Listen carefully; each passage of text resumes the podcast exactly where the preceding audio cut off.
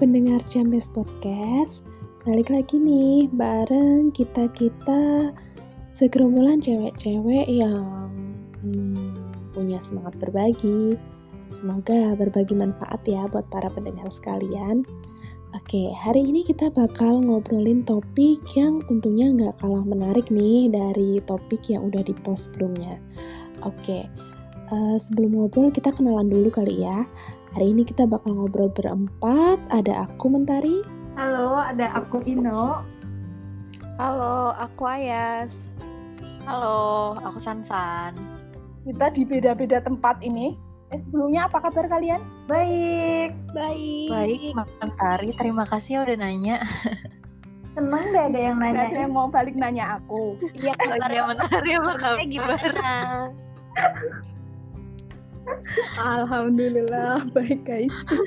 Maaf ya temannya nggak peka. Iya nggak reaktif temannya maaf ya mas. Pasif semua. Udah sering sama yang nggak peka. Oh. oh. Belum bu. Oh, belum. Mulai jangan mulai dulu jangan mulai dulu. Ini btw kita ngobrolnya di tempat-tempat yang berbeda. Aku di Magelang, terus Ayas di mana Yas? Di Bali. Terus Ino? Ino di Solo. Ino Solo. Terus Samsan kan? Sunshine Tangerang. Kita ya beda-beda lokasi. Gimana kalian kegiatan kalian selama PSBB? Karena ada PSBB gak sih? Kalau di Solo sih ada, cuma sayangnya tetap masuk kerja, jadi nggak kerasa deh PSBB. Kalau teman-teman yang lain gimana? Ayah, Samsan?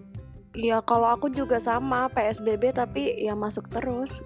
Aku aku PSBB, tapi hmm. uh, kerja dari rumah. Soalnya Ino sama Ayas kerja di rumah sakit sih. rumah sakitnya nggak boleh tutup. Ya nggak bisa iya, tutup.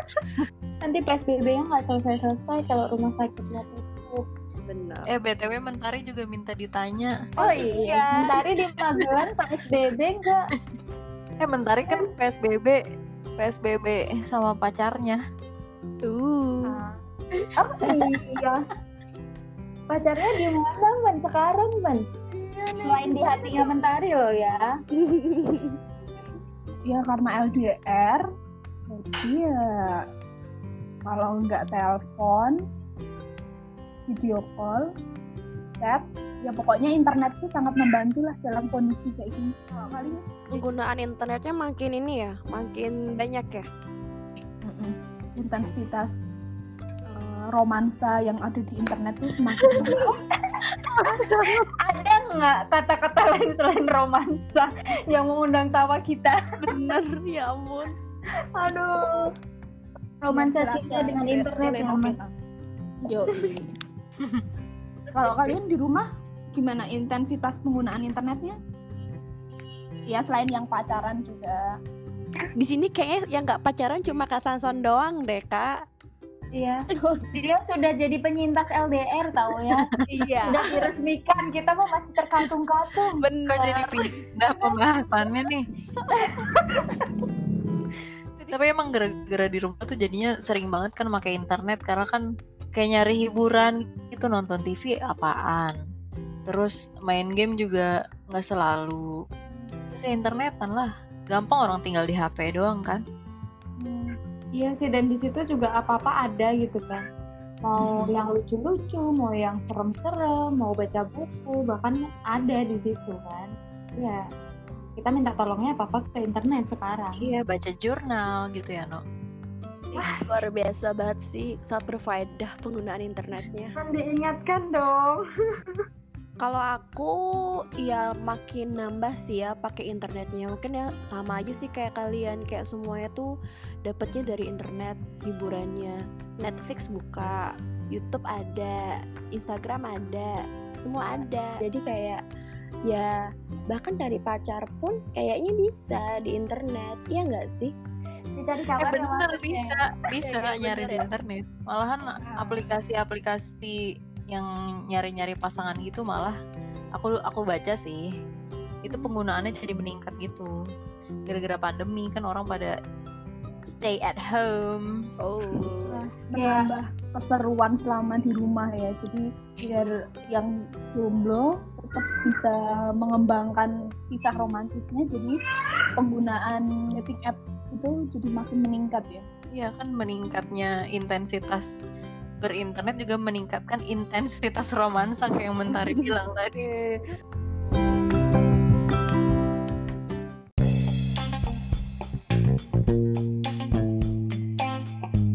nah itu seru tuh meningkatnya penggunaan online dating. Kira-kira apa sih yang bikin orang-orang memutuskan pakai itu?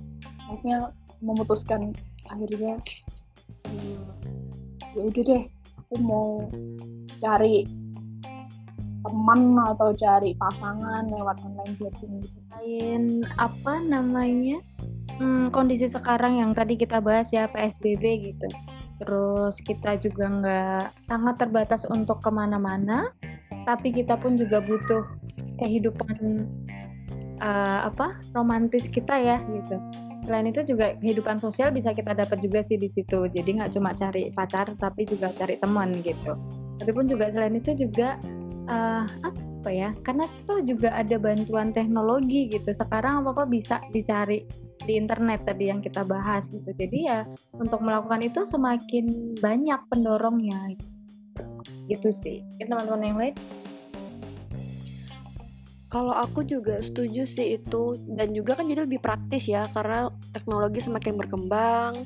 Terus kita juga kadang nggak punya waktu juga kalau mau ketemu sama teman karena kan jadwalnya mungkin beda-beda gitu ya sama beberapa orang. Jadi ya dengan internet dengan beberapa aplikasi kita kayak terkonek gitu sih satu sama lain.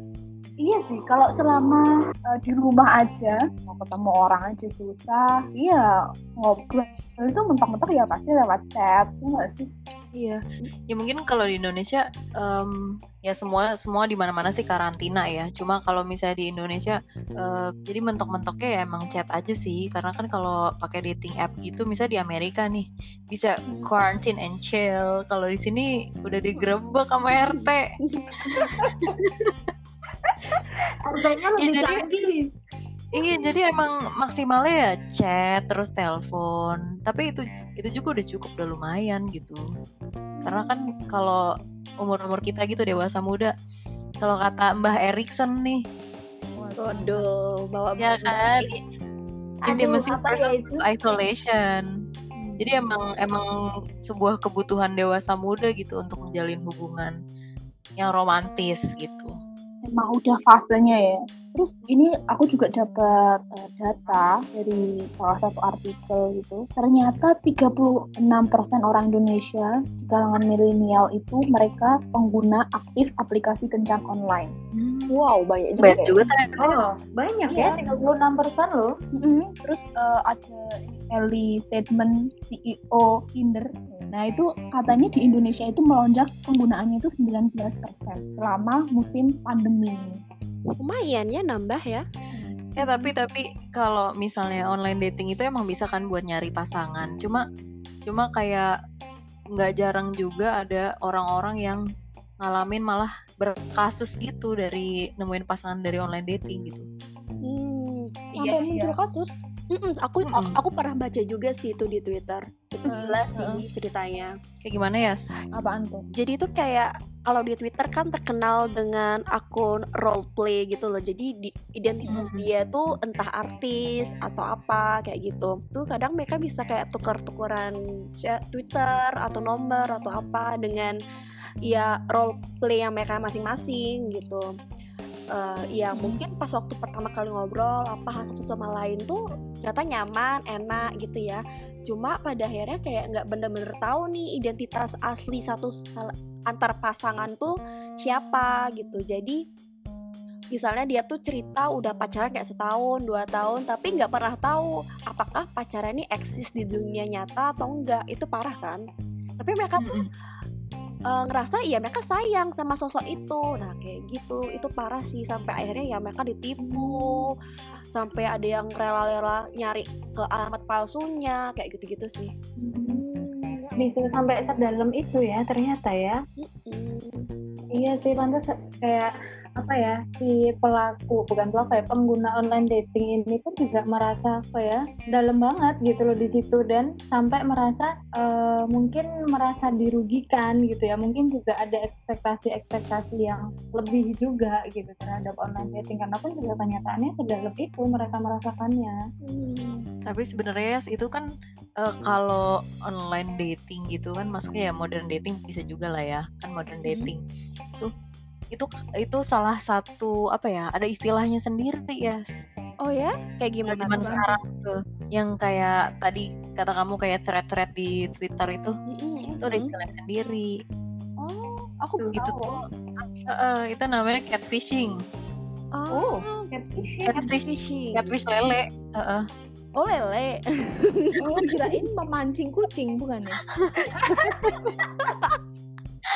ya bisa sih maksudnya tulisannya kayak catfish lele gitu uh, tapi pemancing kucing sebenarnya hmm. jadi ya kayak yang Ayas ceritain itu tuh jadi orang tuh kan kalau di internet itu dia bisa bikin identitas baru gitu kan emang ada hmm. anonymity gitu di internet hmm. terus um, ya bisa aja dia benar-benar nyiptain sebuah pribadi yang baru, account baru di internet yang sama sekali bukan dia gitu. Terus ya bisa dia menjalin relationship pakai pakai ID yang itu terus habis itu bahkan bisa bertahan yang setahun dua tahun yang sampai intens banget kan perasaannya juga. Maksudnya dari segi depth dari relationshipnya juga kayak gitu sih ya hmm. berarti kan kalau misalnya ada sampai ada istilahnya tuh berarti yang terjadi nggak cuma sama satu sama dua orang gitu ya?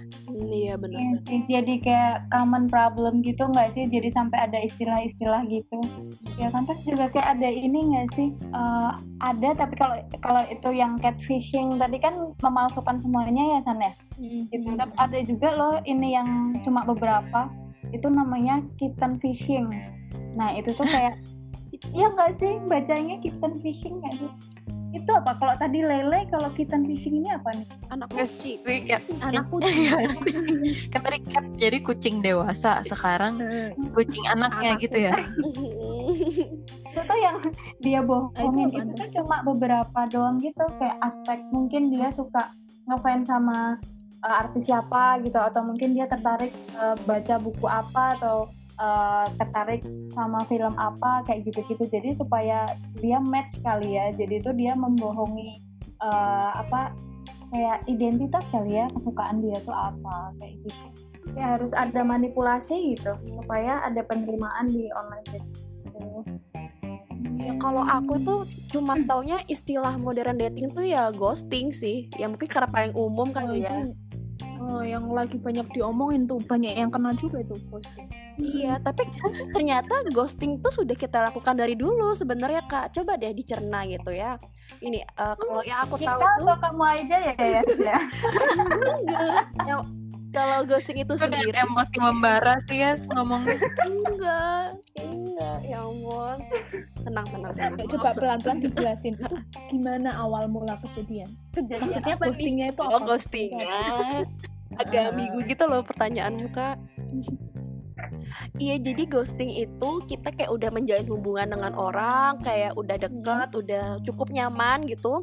Tapi ternyata si doi itu ya udah hilang gitu aja, entah tanpa alasan, nggak ada ngubungin lagi, nggak ada yang ngechat lagi kayak gitu di suatu hari kemudian. Jadi kadang yang uh, korban dari yang ghosting ini ngerasa kayak oh aku kurang apa nih ya, aku salah apa nih ya. Jadi kayak jadinya banyak orang tuh jadi kayak takut lagi buat memulai suatu hubungan atau apa dan lainnya gitu sih. Eh, tapi uh, fenomena ghosting itu tadi bisa nggak sih kira-kira terjadi itu karena si yang pelaku ghostingnya itu, itu dia punya banyak cadangan gitu ya jadi waktu online dating ya namanya juga online dating ya kita bisa mencari sebanyak mungkin gitu. Nah itu tuh dia juga punya cadangan-cadangan gitu. Mungkin nggak ya? Oh bisa aja bunda. Oke, jadi bisa dipilih ya bunda. Bunda suka yang kira-kira tinggi berapa, warnanya ya. apa, gitu ya. Ya ukurannya berapa gitu ya bunda. Ya? Pilih size bunda, ada bunda semuanya. Jadi kalau nggak cocok ya tinggal di ghosting gitu aja gitu ya, tinggal ngilang gitu aja gitu ya. bisa jadi ya gitu ya ya bisa banget sih ya. Soalnya maksudnya kalau di dating app gitu kan orangnya ada banyak nih. Jadi potensial partnernya ada banyak banget. Ya bukan nggak mungkin lah kalau kita ngerasanya ah ya udah nggak aduh ini ada yang nggak cocok nih dikit. Tapi yaudah gue udah males gitu. Terus ya udah daripada ngejelasin mending diem aja nggak sih? Dia juga nggak mungkin nyamperin kita dia juga nggak mungkin nuntut apa-apa sama kita. Terus cadangannya juga masih banyak gitu. Mm-mm. kayak bener-bener komitmen banget ya nggak ada komitmen sama sekali gitu. Jadi kayak bahaya gitu. Kalau dari yang aku aku denger nih ya dari teman-teman ya ternyata emang eh, banyak kasus-kasus yang eh, jatuhnya kayak merugikan diri sendiri gitu. Kayak tadi yang status palsu it's status palsu terus identitas palsu man. Iya identitas palsu. Identitas palsu terus tadi apa? Ghosting lah terus dan lain-lain sebagainya tadi yang dipalsuin lah. Pokoknya nggak jadi diri sendiri. Itu kan jatuhnya kayak kerugian ya. Terus eh, sebenarnya ada nggak sih keuntungan atau eh, sebelum kita bahas keuntungan deh maksudnya dari hal-hal yang negatif itu kenapa terus akhirnya orang memilih menggunakan tetap menggunakan online dating? Menurut teman-teman nih yang mungkin perlu digarisbawahi aja gitu kenapa akhirnya orang-orang yang melatar belakangnya ada fenomena online dating? Oke. Kayaknya kalau menurutku kenapa kayak online dating tuh tetap eh, rame gitu ya walaupun sebenarnya kerugiannya juga banyak. Jadi mungkin untuk beberapa orang yang mungkin nervousan, gugupan atau khawatiran gitu. Intinya itu media dia untuk pertama kali memulai interaksi gitu sih. Dan mungkin apa ya ketika interaksi pertama kali, dua kali, tiga kali dan dirasa orang yang bersangkutan itu juga memberikan respon yang baik itu kayak mungkin menambah rasa percaya diri dia untuk terbuka. Dan yang pada akhirnya mungkin nanti mau ketemuan mau menjalin hubungan yang lebih dalam lagi jadi memfasilitasi orang-orang yang yang introvert yang pemalu gitu ya Yas ya? Iya bisa jadi sih itu salah satu alasannya dan itu pun juga fasilitasnya tuh sangat gampang untuk didapatkan gitu. Yang tadi jauh di awal kita bahas soal internet yang mana kita udah modernisasi ya. Tuh terus juga eh, apa ya mereka tuh dengan pakai online dating tuh bisa mikirnya lebih lama gitu loh. Jadi untuk memfilter untuk mengambil keputusan itu oh bisa nanti nantilah kayak tadi karena karena partnernya itu banyak gitu. Jadi kita bisa milih inilah itulah inilah itulah. Sedangkan ketika dilakukan eh, apa offline dating misalkan gitu ya konvensional dating gitu kan nggak bisa ya. Gitu. dan tadi komitmennya pun juga hampir sama sekali nggak ada. Kalau hilang ya udah hilang aja. Mungkin itu ya kenapa kok masih ada aja si online dating ini dan bahkan semakin banyak sekarang. Itu bisa masuk jadi salah satu keuntungan ya kenapa orang akhirnya mempertahankan adanya online dating ya jadi yang ya gampang terus bisa memfasilitasi orang yang mungkin punya social anxiety gitu ya buat berinteraksi kalau kerugiannya nih penggunaan online dating itu secara psikologi kira-kira mereka akan berdampak atau enggak?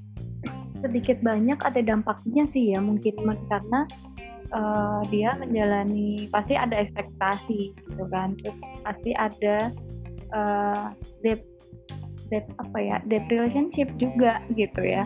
Itu dan ketika itu nggak going well nggak berjalan dengan baik muncul kekecewaan pasti gitu. Apalagi dengan ekspektasi yang tinggi. Selain itu juga ada nih ya beberapa teman aku mungkin aku juga yang me- menempatkan si online dating ini untuk pilihan terakhir gitu. Misalkan eh, aku udah nggak ada cocok nih sama teman-teman gitu. Ya udahlah nanti kalau emang nggak ada lagi dan waktu sudah mepet ya udahlah pakai online dating gitu. Nah itu kan berarti harapan terakhirnya dia ya gitu. Bisa dikatakan harapan terakhir dia. Ekspektasi pasti tinggi dong. Tapi ketika dia mengalami ghosting mengalami catfishing atau dan lain-lain tadi itu ya kekecewaannya akan berkali-kali lipat gitu. Karena ya itu tadi ekspektasinya terlalu tinggi gitu. Dan apa ya bisa jadi mistrust juga nggak sih? Resikonya ke situ kita jadi sulit untuk percaya soal relationship ini. Apalagi di online dating itu mungkin ya teman-teman yang lain Tapi emang bener sih maksudnya walaupun em, apa ya relationship itu dibangunnya dari asalnya dari online gitu, tapi itu kan tetap relationship gitu. Jadi kita masih tetap punya punya attachment gitu sama orangnya. Jadi em, menurut aku jadinya kan sama aja relationship. Terus tapi di situ dia lebih lebih rentan sama risiko itu karena ada anonimitas jadinya lebih gampang eh, ninggalin nggak tanggung jawab kayak gitu. Perasaannya kalau di korbannya atau di orang yang diberi perlakuan itu tuh ya sama kecewanya sama turun kayak rasa percaya dirinya atau self esteemnya gitu ya. Jadi emang bener sih bisa bisa gitu kalau dia jadi jadi lebih susah buat percaya karena kan manusia belajar terus ya. Nah ini juga jadi jadi pembelajaran gitu. Maksudnya belajar dalam hal ini kayak oh kalau aku ngelakuin ini aku dapet konsekuensi negatif gitu. Tapi tapi aku pernah lihat loh ada orang yang segitu apa ya dia nggak ngerti nih orang niatnya gimana. Dia tuh temen aku cerita dia pernah lihat Hmm. ada cowok itu fotonya di Tinder itu. Dia lagi akad nikah serius kok dia jujur gitu Gimana gimana? nggak kelihatan dari pakaian gitu fotonya fotonya lagi akad nikah terus dia lagi salaman sama walinya terus Oke. tapi bagian istrinya tuh di crop Astaga. Hmm. Really? Ampun. itu parah sih agak agak gimana gitu kayak nggak ada foto lain gitu. Dia maksudnya apa tuh sebenarnya kira-kira ya? maksudnya apa dia maksudnya dia jujur apa gimana? Apa dia tetap nipu apa gimana? Nipu tapi setengah-setengah jujur tapi juga di crop istrinya. Kan confusion nih Dizzy dia ya bingung bingung iya jadi ya ya nggak tahu sih itu konteksnya dia mau nipu apa gimana tapi emang jadinya gampang banget bisa aja gitu kena tipu kalau kita nggak cermat nggak smart Uh, buat dating online gitu sebelum memutuskan gitu ya, jadi kita harus jelas ini tuh kita mau ngapain. Jadi kita itu tahu kita mesti gimana gitu ya. Buat Mm-mm. menghindari orang-orang yang suka nge-crop statusnya gitu nggak jelas. Itu juga ngaruh ke self esteem. Terus tadi tadi yang ngebahas soal mistrust gitu ke eh, dampaknya juga ke tingkat kepercayaan kita ke orang lain.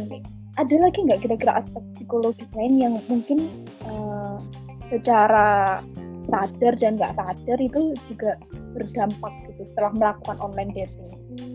Kayaknya juga dampaknya ke self image-nya mereka masing-masing. Jadi kan Oke. misalnya eh, mereka kayak ya disakiti, dikecewakan gitu. Terus jadi berpikir apakah aku memang pantas diperlakukan seperti ini atau mungkin dari online dating dia kena korban ghosting gitu. Terus jadinya kayak aku kurang menarik apa sih? Kok dia bisa sampai pergi gitu aja atau aku ada kurang apa ya? Aku kurang apa ya? Jadi dia semakin mempertanyakan dirinya dia sendiri seperti apa. Terus akhirnya berusaha menunjukkan ke sisi eh, sisinya dia yang lain biar kayak istilahnya ya diterima lagi sama orang-orang di online dating itu biar ada yang mau gitu sama dia. Entah dari profile picture-nya lah atau mungkin dari eh, description-nya dia mungkin dia harus buat semenarik mungkin. Jadi orang-orang mungkin lebih tertarik sama dia. Padahal mungkin nyatanya deep down ya dia nggak tahu juga apakah yang dia lakukan itu benar apa enggak. Cuma buat memenuhi kebutuhan itu.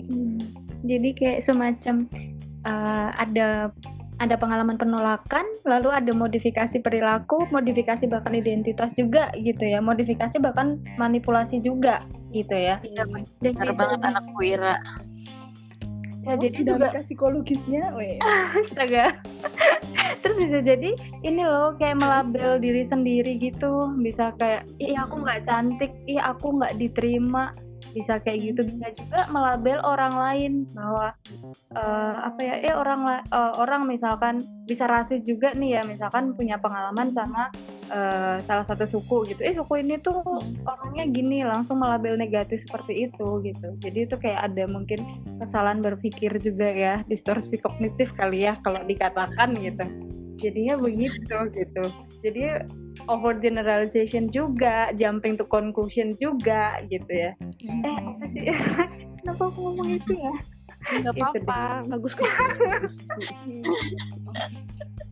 Jadi semakin paham pendengar kita soal sisi uh, psikologis yang mungkin bisa jadi uh, goyah gitu. Karena mereka memutuskan untuk menggunakan online dating. Eh iya Tapi menarik sih. Apa apa? Gimana? Enggak kan tadi kan kalau misalnya dating online itu dia bisa memfasilitasi orang untuk apa ya orang yang cenderung pemalu gitu atau bahkan yang punya kecemasan sosial sosial social anxiety gitu. Dia bisa ngefasilitasin orang itu untuk berinteraksi gitu. Karena kan orang kalau punya social anxiety itu dia cenderung menghindari interaksi sosial. Tapi karena ada online dating dia jadinya um, berani itu kayak sebuah safe place buat dia buat berinteraksi. Tapi sebenarnya itu nggak nggak cuma keuntungan kalau di situ sih.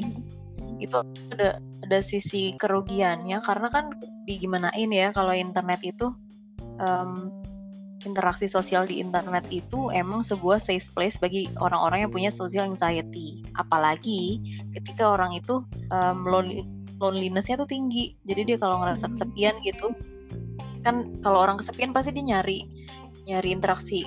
Nah itu bisa jadi uh, wah wahana wadah. Jadi wadah buat memenuhi kebutuhan. Okay. gitu.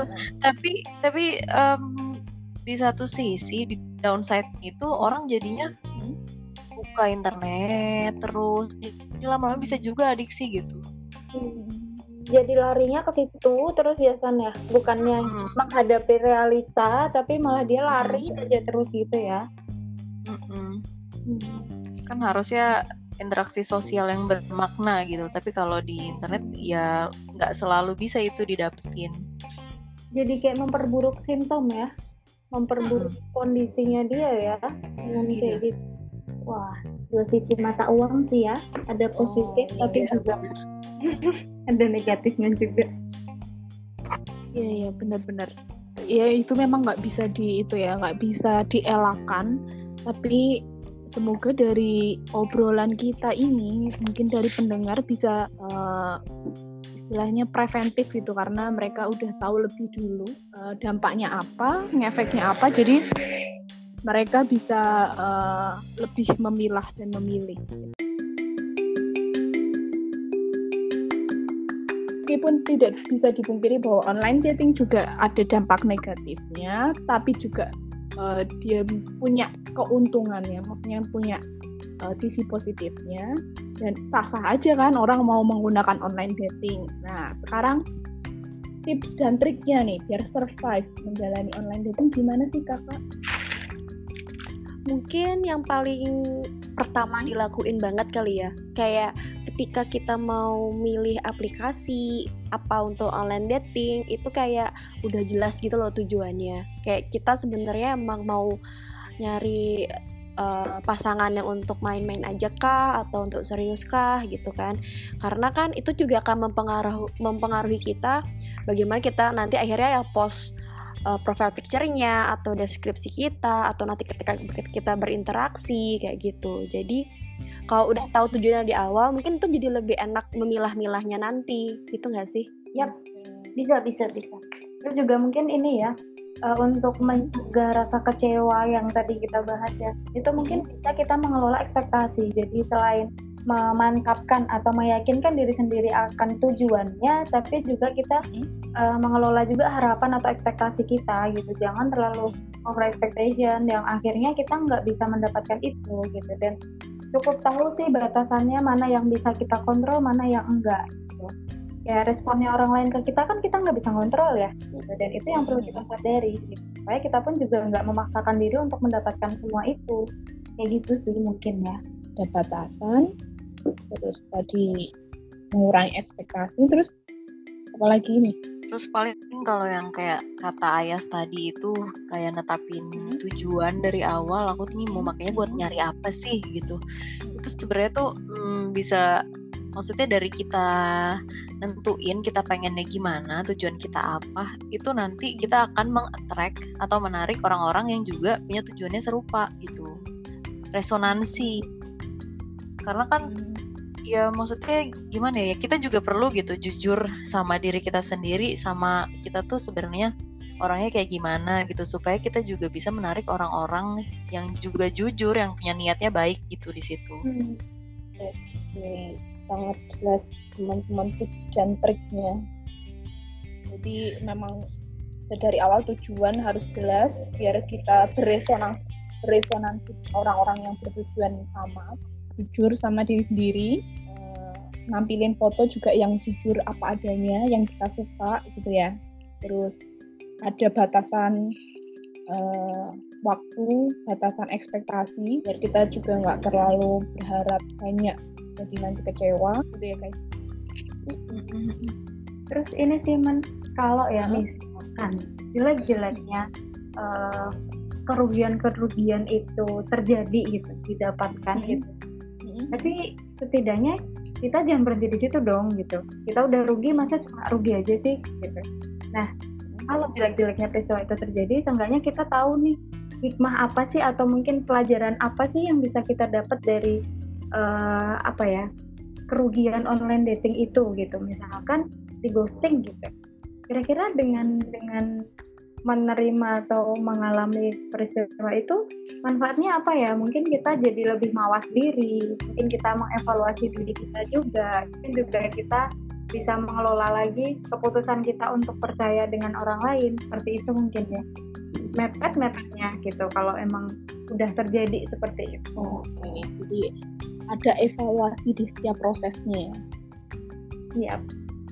Ya pasti akan ada hikmahnya di balik musibah. Klise sih, tapi itu bermanfaat deh rasanya. Wow, nggak terasa ya teman-teman kita sudah ngobrol eh, cukup lama ngebahas online dating. Mungkin sedikit rangkuman aja ya dari awal tadi yang kita obrolin dari kondisi terus tren yang ada di Indonesia terus tren komunikasi interaktif itu nggak membatasi kita untuk melakukan kencan secara online atau mencari partner secara online. Ya meskipun eh, pada prosesnya kita akan ketemu sama positif negatifnya yang tadi udah dibahas sama teman-teman sekalian. Tapi tetap eh, kita punya langkah-langkah solusi yang bisa kita terapkan. Jadi nanti kita bisa ya paling nggak mengurangi resiko kita buat terkena hal yang negatif. Mungkin ada yang mau ditambahin teman-teman? Kalau aku sih ya, ya kayak semua hal dalam hidup gitu. Semuanya ada dua sisi, ada positifnya, ada negatifnya. Maksudnya ya walaupun emang dengan kita, misalnya kita nyari jodoh lewat online dating app gitu. Lewat Hmm. dating app itu kayaknya banyak pandangan orang, ih kok lo kayak gitu sih, kok nyarinya dari dari dating app sih kayak gitu nggak laku lo ya. Atau mungkin dia bisa kena risiko em, ditinggalin lah atau dibohongin lah macem-macem cuma the fact that you are still trying to use that app itu kan berarti emang ada sebuah kebutuhan dari kita gitu jadi percayalah semua risk itu worth it gitu Iya kakak. Iya bener Bener banget sih, banget. bener banget sih. Kayak menghargai apa yang sudah kita usahakan gitu ya, ya San ya. Jadi setiap pembelajaran tuh ya kita maknai gitu ya, terus jadinya ya membuat kita juga jadi lebih baik ke masa depannya. Kita juga terus belajar dan mungkin memang kadang kita perlu buat gagal dulu untuk pada akhirnya kita bisa berhasil gitu kan. Karena kan kita jadinya nggak tahu nih sebenarnya seperti apa sih juga memakai eh cara berinteraksi di online dating yang oke, yang sehat dan yang apa kayak gitu. Trial error ya mungkin ya. Dan akhirnya succeeded. Bener banget. Memang ya jodoh itu bisa datang dari mana aja. Jadi sah-sah aja kita mau memutuskan pakai aplikasi kencan online atau enggak karena itu semuanya itu adalah upaya kita buat mendekatkan diri dengan jodoh. Tapi ya tadi menggarisbawahi kata-kata Sansan, satu hal yang harus kita pahami kalau setiap keputusan itu pasti punya resikonya.